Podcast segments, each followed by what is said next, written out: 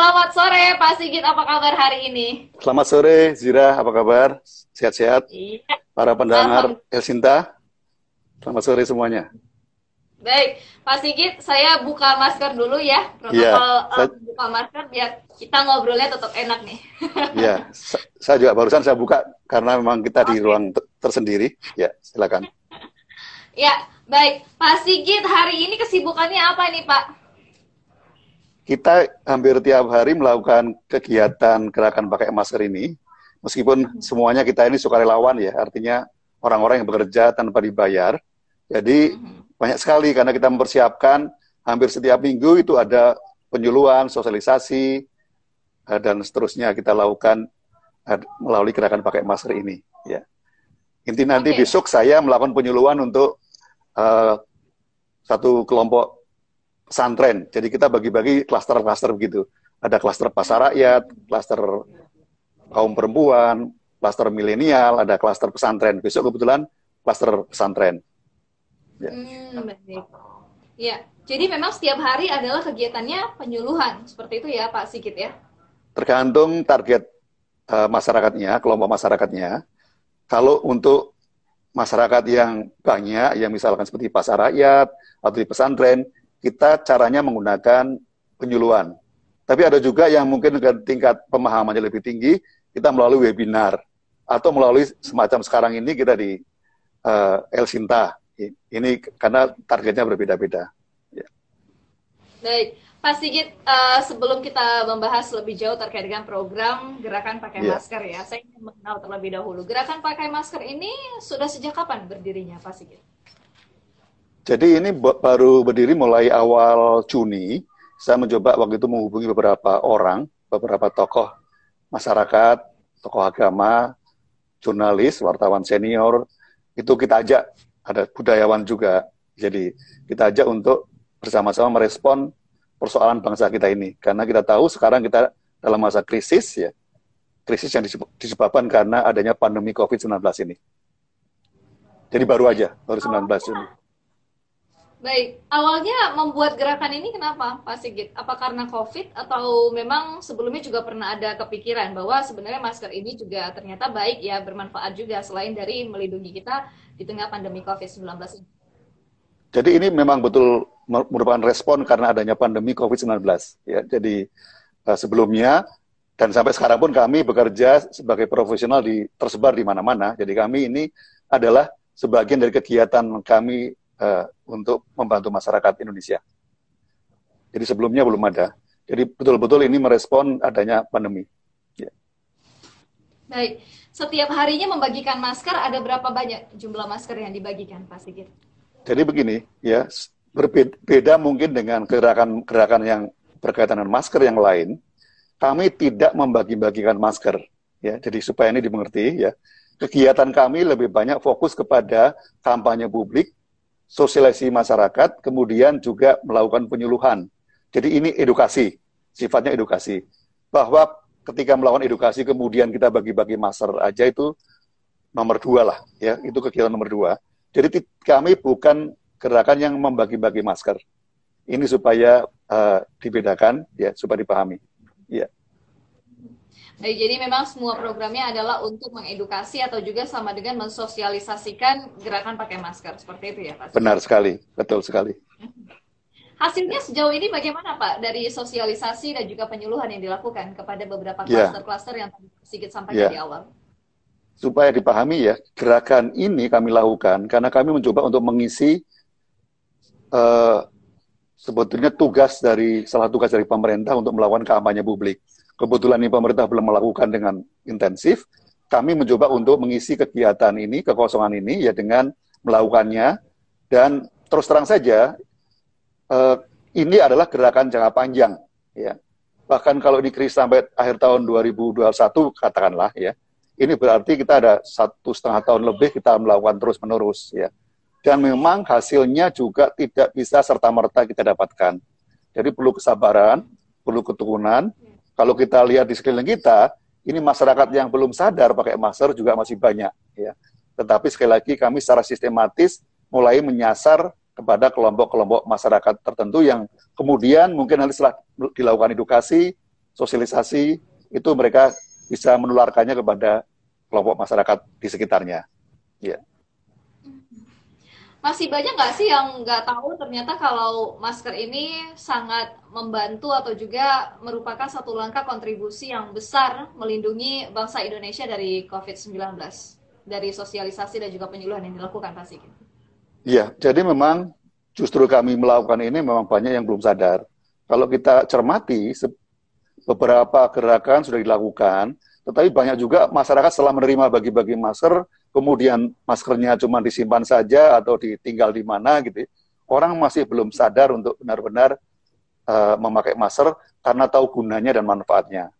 Jadi benar sekali tadi yang Anda sampaikan, masker ini kelihatannya barang sepele, cuma selembar aja, tapi ini kalau kita lakukan secara bersama-sama, secara masif, ini selain kita bisa yang jelas langsung melindungi kita sendiri, melindungi orang-orang yang kita cintai di sekitar kita, ya, artinya melindungi masyarakat, dan kalau dilakukan semua orang, itu akan melindungi kita, bangsa ini, dari korban-korban COVID yang sampai sekarang juga masih uh, bertambah terus, ya. Jadi kalau ini bisa dilakukan, ujungnya nanti adalah kita juga bisa menyelamatkan perekonomian kita. Kenapa? Karena kalau kita ini bisa disiplin pakai masker, korban yang jatuh karena COVID-19 makin sedikit, ya. Kemudian kita bisa terus melakukan kegiatan pembangunan, ya. Artinya kita tidak perlu lakukan PSBB lagi. Saya mau tanya balik nih, mau nggak kalau kita PSBB lagi atau di lockdown? Pasti tidak mau kan? Karena itu kan repot sekali, betul nggak? Betul, repot. Betul. Kita harus tinggal lebih lama lagi di rumah. Yang jelas sekarang ini dengan kita melakukan PSBB dan di Jakarta diperpanjang berapa kali dan seluruh Indonesia juga melakukan pertumbuhan ekonomi kita itu sudah sangat terganggu ya. Kalau kita lihat di triwulan 1 2020 itu kita masih positif 2,97 persen pertumbuhannya ya pemerintah BPS kemarin sudah mengumumkan triwulan 2 2020 itu pertumbuhan perekonomian kita sudah minus 5,3 persen. Ya, jadi bayangkan aja kalau kita melakukan PSBB lagi, yang terjadi adalah pertumbuhan ekonomi kita akan semakin memburuk. Jadi inilah makanya uh, barang yang kelihatan sepele hanya selembar seperti ini ya. Ini kalau betul kita lakukan secara disiplin, ya kita pakai semuanya, selain mencegah penularan dari satu orang ke orang yang lain, ini sekali lagi bisa menyelamatkan perekonomian kita. Jadi logikanya begitu ya. Jadi kalau kita pakai masker disiplin, itu akan menyelamatkan perekonomian. Kenapa?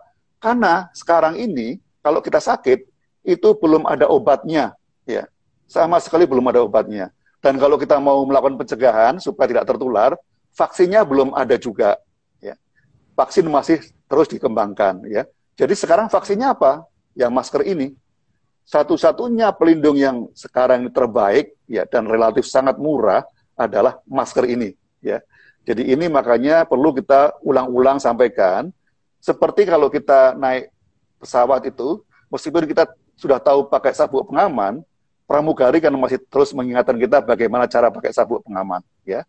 Jadi ini nanti ujungnya gerakan kita ini adalah gerakan perubahan perilaku perilaku dari orang yang sebelumnya ketika zaman sebelum ada COVID itu pakai masker seba bukan sebagai kewajiban, sekarang kita ya. ke mana-mana kalau keluar rumah, keluar kantor, atau di dalam kantor bertemu orang atau masuk ke kerumunan orang, itu kita wajib pakai masker. Ya. Baik. Ya, ya, karena Pak Sigit dan juga teman-teman di Gerakan Pakai Masker terjun langsung ya ke masyarakat dan mensosialisasikan ya. dan masih menemukan ya. juga masih ada masyarakat yang nggak sadar menggunakan masker ini ternyata uh, penting banget untuk menekan atau memutus mata rantai penyebaran COVID-19. Ya. Tapi kalau dari perasaan Pak Sigit sendiri melihat masih banyaknya masyarakat yang nggak peduli menggunakan masker atau juga mentaati protokol kesehatan, seperti apa sih Pak Sigit rasanya?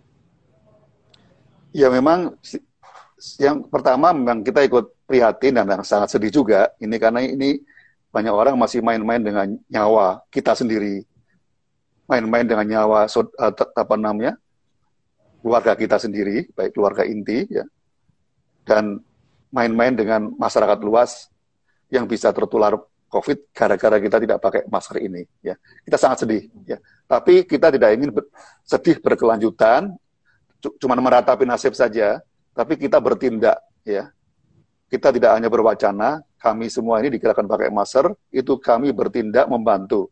Ya, kelihatan sekali lagi kelihatan sepele, ya, hanya barang yang remeh-temeh. Tetapi ini kalau sekali lagi kalau kita lakukan bersama-sama secara masif, ini manfaatnya sangat-sangat luar biasa sekali. Ya. Jadi ini penting ya. Kita bahkan seperti orang cerewet kadang-kadang ada orang yang marah sama kita juga karena teman-teman kami digerakkan pakai masker sudah seperti kayak polisi masker semua ya kalau melihat ada orang nggak pakai masker kita mengingatkan untuk pakai masker ya dan ada yang marah juga dikasih tahu ya dan itu tapi itu resiko ya karena sekali lagi kami niatnya adalah baik ya karena anda lihat Coba di negara-negara yang dari dulu sudah terbiasa ada kebiasaan memakai masker ketika mereka flu, ketika mereka batuk-batuk ya. Begitu masuk ke kendaraan umum keluar rumah itu mereka sudah pakai masker ya. Misalnya contohnya di bangsa Jepang ya, bangsa Taiwan dan sebagainya. Itulah makanya sekarang pun tingkat uh, orang-orang yang meninggal karena COVID-19 itu sangat sedikit sekali di sana ya dan mereka bisa menanganinya dengan sangat baik kita mestinya meniru seperti itu. Dan target kami adalah nanti bangsa Indonesia, meskipun sudah tidak ada pandemi COVID-19, ketika kita keluar rumah dalam keadaan batuk sedikit atau pilek, kita otomatis nyambar masker, kita pakai. Kenapa? Karena masker ini lindungi kamu dan aku.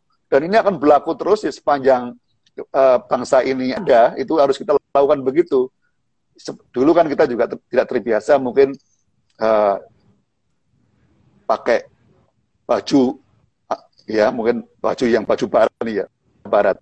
Tapi sekarang ini kita sudah biasa pakai baju seperti ini ya, yang seperti saya pakai, seperti anda pakai. Mungkin juga kita buka mungkin waktu kecil atau apa tidak atau sebelumnya kita tidak terbiasa pakai jilbab. Sekarang orang sudah umum semuanya pakai jilbab atau hijab ya. Ini yang kebiasaan ya. Dan setelah itu orang menerima dengan apa namanya seperti dia seperti, seperti biasa saja. Dan kami berharap nantinya sekali lagi masker ini juga seperti itu ya jadi dipakai uh, sepanjang kehidupan kita ke depan ada tidak ada pandemi COVID-19. Mhm. Baik, Pak ya. Sigit, kalau untuk sosialisasi dan juga penyuluhan atau edukasi yang diberikan kepada masyarakat atau juga tadi per klaster-klaster ya, seperti apa sih Pak bahasanya yang uh, mungkin langsung mengena. Ini juga mungkin sebagai edukasi juga ya bagi netizen El Sinta yeah. untuk nanti bisa menegur orang mengatakan bahwa sebenarnya pakai masker dong ini manfaat banget loh buat kita semua gitu. Bahasanya kayak gimana sih kalau dalam penyuluhan atau juga edukasinya Pak Sigit? Itu pertanyaan yang sangat baik sekali ya. Itu memang kuncinya sekarang ini adalah kita belum bisa menyampaikan pesan yang sederhana yang mudah ditangkap. Betul tidak? Ya. Sehingga masyarakat itu tidak sadar Nah, makanya kami digerakkan pakai masker, itu kami mulai dengan gerakan ini dengan memperkenalkan suatu pesan, pesan tunggal, ya, bahwa pakai masker itu lindungi kamu dan aku. Itu, itu sudah semacam semboyan atau tagline kita. Ini ya, ya. Betul sekali. Jadi pakai masker itu lindungi kamu dan aku. Ya, ini kalau mungkin anda generasi yang masih muda ya, tapi pasti dengar Dulu juga ada kampanye publik keluarga berencana. Mereka pakai kata ajaib, kalimat ajaib, dua anak cukup. Ya, kita kalau dengar kata dua anak cukup, kita udah tahu ini pasti ini, ini oh ini kampanye keluarga berencana. Kami ingin nantinya ketika orang mendengar lindungi kamu dan aku, oh itu pakai masker itu. Nah, hmm. nah rahasianya apa? Sebelum kata apa pun, rahasianya apa? Itu harus disampaikan secara berulang-ulang kita tahu ya reklame itu dari bahasa uh, Latin ya re itu berulang-ulang klamein itu disampaikan ya jadi ini kita harus sampaikan berulang-ulang berkali-kali seperti reklame ya seperti kita melakukan reklame ya sehingga pesannya ini nanti lama-lama menancap di benak masyarakat oh, kalau mereka dengar lindungi kamu dan aku oh pakai masker itu Nah, ini sebetulnya tujuan kami. Jadi jawabannya begitu. Nah, kami tolong dibantu El Sinta, teman-teman semua juga, ini tolong diulang-ulang. Karena memang yang saya katakan tadi, seharusnya ini dilakukan oleh pemerintah. Tapi kita harus memaklumi, pemerintah kita ini pekerjaannya juga sangat banyak sekali yang harus dilakukan. Banyak prioritas yang mereka harus tangani. Nah, kita-kita ini di masyarakat, ini kan menyangkut uh, masalah kemanusiaan, masalah bangsa, masalah negara, ya. Ini tidak hanya bisa kita serahkan kepada pemerintah saja, ya. Jadi kami ini gerakan yang non, non pemerintah. Kami ini NGO ya. Jadi kami melakukan untuk membantu pemerintah ya, supaya kita bisa saling melengkapi.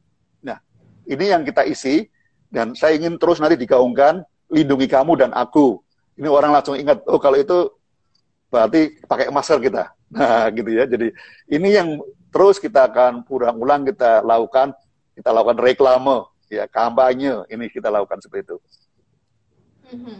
Ada pertanyaan nih Pak dari pendengar El Sinta juga dari uh, akun ad.98 yang menanya, menanyakan, yeah. pakai masker apa hanya untuk melindungi kita dari sisi kesehatan saja Pak? Atau ada manfaat lain sebenarnya. Kalau nanti sudah di, sudah ditemukan vaksin, apakah kita juga sudah boleh melepas masker alias tidak menjadi suatu kebiasaan yang baru lagi? Silakan nih. Betul. Jadi Pak? ya, jadi begini. Sekarang ini kita bicara prioritas, ya.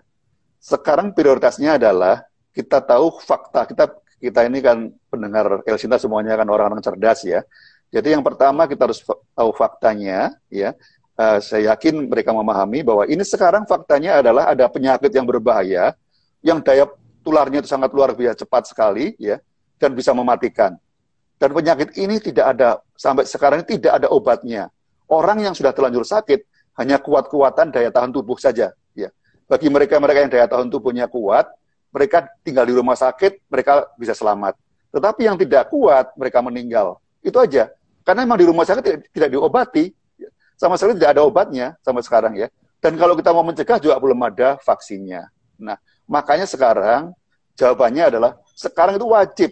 Hukumnya wajib, baik secara peraturan maupun wajib bagi kita sendiri, karena kita itu wajib melindungi kepentingan diri sendiri untuk melindungi kesehatan kita, keluarga kita, dan seterusnya. Jadi sekarang ini harus pakai masker, ya karena memang tidak ada cara lain yang lebih uh, mudah dan lebih murah daripada pakai masker, ya. Nah, tadi saya singgung juga di depan, ke depannya saya katakan, karena ini menjadi perubahan perilaku, sekarang kita tahu bahwa kalau ada masalah kesehatan kita, terutama yang kaitan dengan influenza ya, ini kan sebetulnya keluarga influenza juga keluarga flu ya, COVID-19 ini, meskipun ini virusnya yang sekarang ini lebih canggih. Tahun 1918, dunia ini pernah mengalami namanya uh, pandemi flu Spanyol, Spanish flu, 102 tahun yang lalu korban yang meninggal itu 50 juta orang lebih ya. Dan waktu itu apa cara mencegahnya? Pakai masker. Sama juga ya. Hanya waktu itu bentuk maskernya macam-macam ya. Pokoknya 102 tahun yang lalu pun orang mencegah influenza ini, flu ini atau virus ini juga dengan pakai masker ya. Nah, karena ini sudah menjadi kebiasaan baru bagi bangsa kita, masyarakat Indonesia yang saya katakan tadi, nantinya ada tidak ada COVID-19 lagi, tapi Tolong diingat ya, virus ini tidak pernah akan hilang. Mereka hanya muncul, keluar, uh, mas, uh, hilang, muncul, hilang, dan nanti melakukan mutasi genetika mereka, ya kemudian makin parah. ya. Jadi akhirnya pakai masker ini akan menjadi uh, kebiasaan kita, sehingga kalau ada masalah kesehatan yang kaitan dengan virus yang menyebabkan influenza atau flu, kita akan pakai masker nanti mungkin saya tidak perlu lagi melawan kampanye lagi ya kalau ada flu ya atau generasi setelah saya atau setelah kita ini tidak perlu lagi karena orang sudah sadar. Bangsa ini sudah sadar otomatis begitu. Dan kalau sehari-hari nanti kalau ada flu biasa kita mau naik MRT kita mau ke naik bis kota keluar rumah kita mau belanja kalau kita flu batuk kita akan otomatis pakai masker. Kenapa? Kita itu merasa tidak tega kalau kita tidak pakai masker, kita batuk, kemudian menciprati orang lain, menular, menularkan penyakitnya ke orang lain. Itu sebetulnya yang kita mau capai. Sekali lagi, ke depannya ya kita akan seperti ini. Betul bahwa nantinya kalau sudah pandeminya sudah mereda, tentu kita tidak perlu berlebihan ke mana-mana pakai masker ya. Nanti pasti akan berkurang. Ya, tapi sekali lagi, selama ini masih ada, pakailah. Ya. Jangan ambil resiko, jangan bercanda dengan COVID-19 ini, karena kalau kita betul-betul cermat melihat perkembangannya, selain sekarang jumlah yang meninggal sudah 6.000 orang lebih, ya, penderitanya sudah lebih dari uh, 100.000 lebih, ya, kita sekarang tanpa sadar, COVID ini semakin mendekati kita. Dulu mungkin yang meninggal itu di provinsi lain, di pulau lain ya. Sekarang kita udah mulai yang meninggal ada di kota yang sama dengan kita, mungkin ada satu RT dengan kita, bahkan mungkin sudah saudara kita atau orang-orang yang kita kenal. Betul tidak? Ya. Kita udah mulai dengar nih yang meninggal itu pasti ada hubungan dengan saudara jauh kita dan sebagainya. Ya mudah-mudahan keluarga dekat kita jangan sampai terjadi, ya. Tapi Amin. kita sering di mana-mana di media sosial ada orang yang memposting ya, itu mengatakan salam sehari saya kehilangan keluarga, ibu bapak saya meninggal, kemudian juga neneknya meninggal, dia sekarang sebatang kara. Betul nggak? Ada kan yang sempat viral begitu? Memang itulah yang terjadi. Sekarang ini COVID makin uh, tanpa kita cari makin dekat dengan kita. Nah, kalau sudah seperti itu, masa sih kita tidak uh, sebagai orang yang uh, dikaruniai akal, kenapa kita tidak mencoba untuk mencari akal bagaimana mencegahnya? Ya ini, pakai masker ini. Ya. Kalau tadi di awal uh, Pak Sigi juga sempat menyinggung bahwa uh, korelasi antara menggunakan masker ini juga bisa membantu mencegah uh, COVID-19 dan juga membantu perekonomian negara Indonesia. Korelasinya Benar. seperti apa ini? Di, di samping yeah. itu kan juga banyak ya di awal-awal dulu kita juga banyak membaca postingan-postingan uh, di sosial media yang bilang bahwa ini sebenarnya bukan uh, ini sebenarnya COVID-19 hanya uh, untuk mencapai uh, hanya untuk bisnis saja, hanya untuk mencapai ya ada kepentingan pribadi seperti itu. Kalau pasti kita yeah. lihatnya bagaimana? Ya, saya pikir yang uh, masih mengatakan begitu, saya tidak masukkan sebagai golongan milenial karena biasanya kalau orang golongan milenial ini harus lebih cerdas dari generasi saya ya. Mungkin kalau dari generasi-generasi uh, saya itu masih ada yang nggak percaya mengenai COVID-19, tapi kalian semua, Anda, -anda semua kan tiap hari mendapatkan berita, ya. Tidak ada ya faktor yang bisa menghambat berita sampai kepada Anda. Memang berita ada dua macam, ada berita yang uh, hanya hoax, ada berita yang sesungguhnya.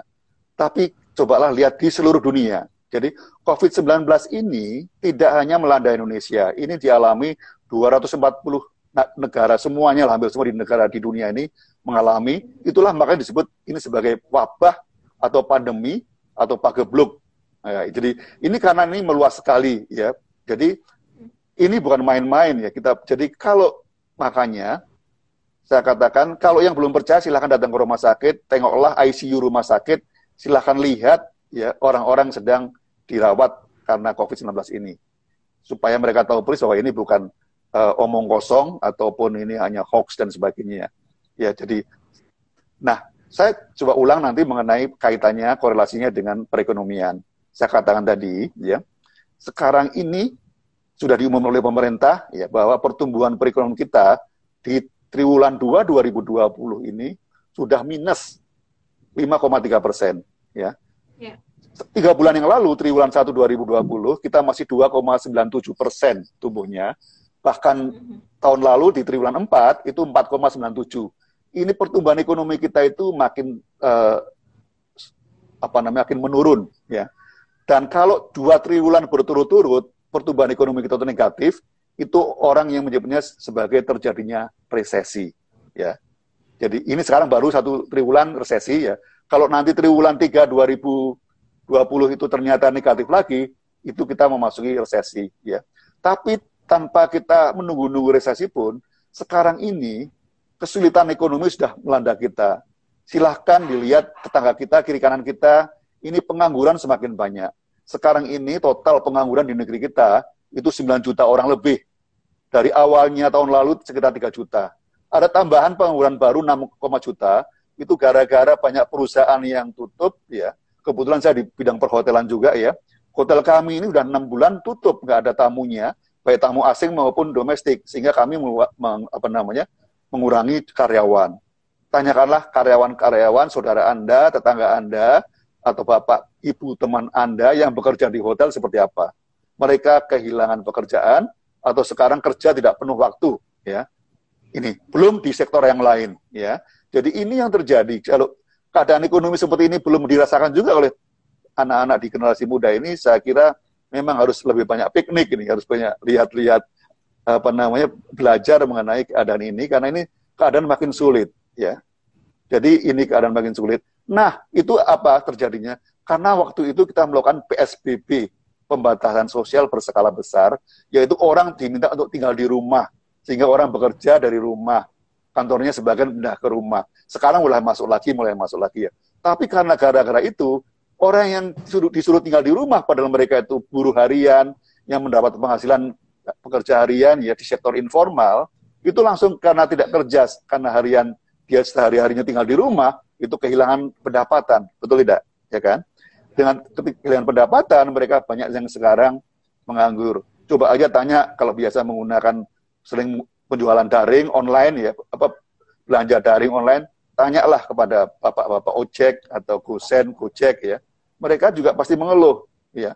Itu tercermin dari angka-angka yang saya sebutkan tadi itu, sekarang pertumbuhannya udah minus, pengangguran sudah lebih banyak ya. Nah, kalau kita perlu lagi karena Anda semua, kita semua, saya semua banyak yang kemudian tidak disiplin pakai masker, ya, korban karena COVID-19 akan makin meningkat, ya. Kalau kita nanti meningkat terus, pemerintah dengan terpaksa akan memutuskan kalau begitu kita PSBB lagi. Anda harus tinggal di rumah lagi untuk memutus tali penularan lagi ya, rantai penularan lagi ya. Jadi kalau ini yang terjadi, percaya saya ya, ini ekonomi kita akan berat lagi. Yang menganggur akan tambah banyak lagi ya. Yang apa PHK akan banyak lagi. Dan ini kita bangsa kita akan susah. Nah, marilah tolong ya. Selain kita menolong diri kita sendiri, ini menolong orang tua kita, menolong tetangga kita, saudara-saudara kita, semuanya masyarakat kita, bangsa kita, tolonglah dengan memakai masker agar korban karena COVID-19 ini makin sedikit. Nah, ini kalau menurun sampai sedikit, kita nanti ber, bisa ber, apa namanya, bekerja, sekolah, beribadah, menjadi normal lagi. Tapi selama COVID ini belum ditemukan obatnya dan belum ada vaksinnya, jangan lupa pakai masker. Ya, memang sekarang kampanyenya sebetulnya harus tiga ini Mbak ya. Jadi selain pakai masker ada satu ada dua lagi yaitu jaga jarak dan sering cuci tangan. Ini semuanya adalah supaya jaga jarak ini karena virus ini tersebar dari cipratan cairan yang lembut yang mengambang di udara maupun yang langsung dalam bentuk cairan, karena kita berbicara, karena kita menyanyi, karena kita bersin, karena kita batuk, itu tersebar dari seorang. Kalau orang itu sakit, nanti akan menyebar ke mana-mana. Nah, supaya ini tidak menyebar, kita tutup pakai masker. Makanya karena keluaran dari mulut sama hidung, dari lubang mulut sama lubang hidung, makanya yang ditutup mulut sama hidung. Ya, jadi ini ada sebetulnya. Jadi kalau ini sudah tertutup, itu tidak akan bisa nyiprat ke mana-mana, yang namanya droplet tadi. Droplet, droplet itu adalah cairan yang uh, menciprat atau cipratan ya. Itu. Dan orang-orang yang menderita COVID-19 ini itu tidak diketahui, itu namanya orang tanpa gejala atau OTG ya. Jadi kalau Anda ketemu orang itu kita tidak tahu ini orang ini orang sehat atau orang yang bawa COVID-19, bawa virus. Karena sama aja mereka sehat aja nggak apa-apa karena dia kuat dan sebagainya. Tapi tahu-tahu ternyata dia bisa meluarkan kepada kita yang sehat atau seperti saya yang lebih rentan karena usia saya ya. Dan itu bahaya. Bayangkan kalau itu kakek Anda, nenek Anda, ya, mm-hmm. orang tua Anda yang lebih tua, ya, mudah sekali tertular. Jadi makanya penting, ya, karena kalau kita memakai masker, risiko penularannya sudah turun sampai 75 persen. Besar sekali kan? Dengan pakai masker saja, ini resiko untuk penularan sudah 75 persen. Ini kalau yang orang bawa ya? penyakit, iya tinggi sekali. Kalau orang bawa penyakit pakai masker, yang orang sehat pakai masker, bertemu gitu misalkan ya, itu itu sudah turun lagi menjadi sampai 90 persen lebih. Ya. Dan kemudian kalau dia jaga jarak 2 meter, itu sudah 100 persen tidak ada penularan. Nah, itu penting. Jadi makanya ini harus uh, ingat betul dua tiga hal lah ya tadi pakai masker jaga jarak kalau kita bisa pakai masker dan orang sehat dan orang sakit juga pakai masker dan jaga jarak 2 meter sudah tidak ada resiko penularan lagi. Ya, jadi ini ini penting maka jangan bergerombol lagi sekarang ya tanpa masker apalagi ya hindarkan ya jadi itu. Jadi ini manfaatnya ya. sangat luar biasa. Ya. Baik, ya semoga apa yang kita bahas di sore ini bisa mengedukasi masyarakat ya Pak Sigit ya. Banyak sekali yang sangat-sangat bermanfaat. Amin sampaikan yeah. tadi. Bahkan saya juga baru tahu ternyata untuk menekan penularan COVID-19 dengan menggunakan masker ini bisa mencapai 70%. Bayangkan jika jutaan ataupun ratusan orang taat dan juga patuh terhadap protokol kesehatan menggunakan masker, pasti kita bisa bersama-sama melawan COVID-19 ini, pasti di negara kita ya. Benar sekali. Ya. Senjata Baik. kita dulu mungkin ini kan 17 Agustus ya, apa namanya dalam rangka hmm. kemerdekaan. Dulu para pendahulu kita itu mereka berperang mengangkat senjata untuk melawan musuh, ya kan, penjajah. Sekarang kita ini kita juga sedang berperang. Musuh kita adalah COVID-19 dan kita tidak perlu mengangkat senjata. Kita cukup mengangkat tangan kita dan pakai masker kita.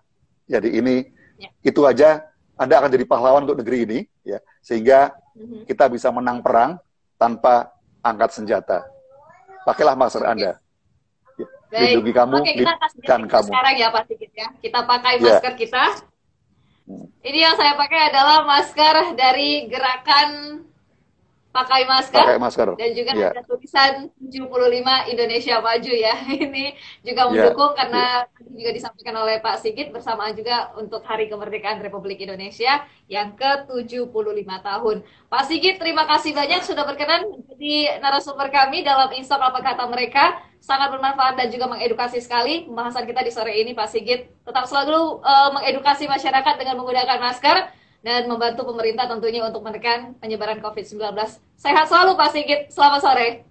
Ya, salam sehat, pakai masker, lindungi kamu dan aku. Lindungi kamu dan aku.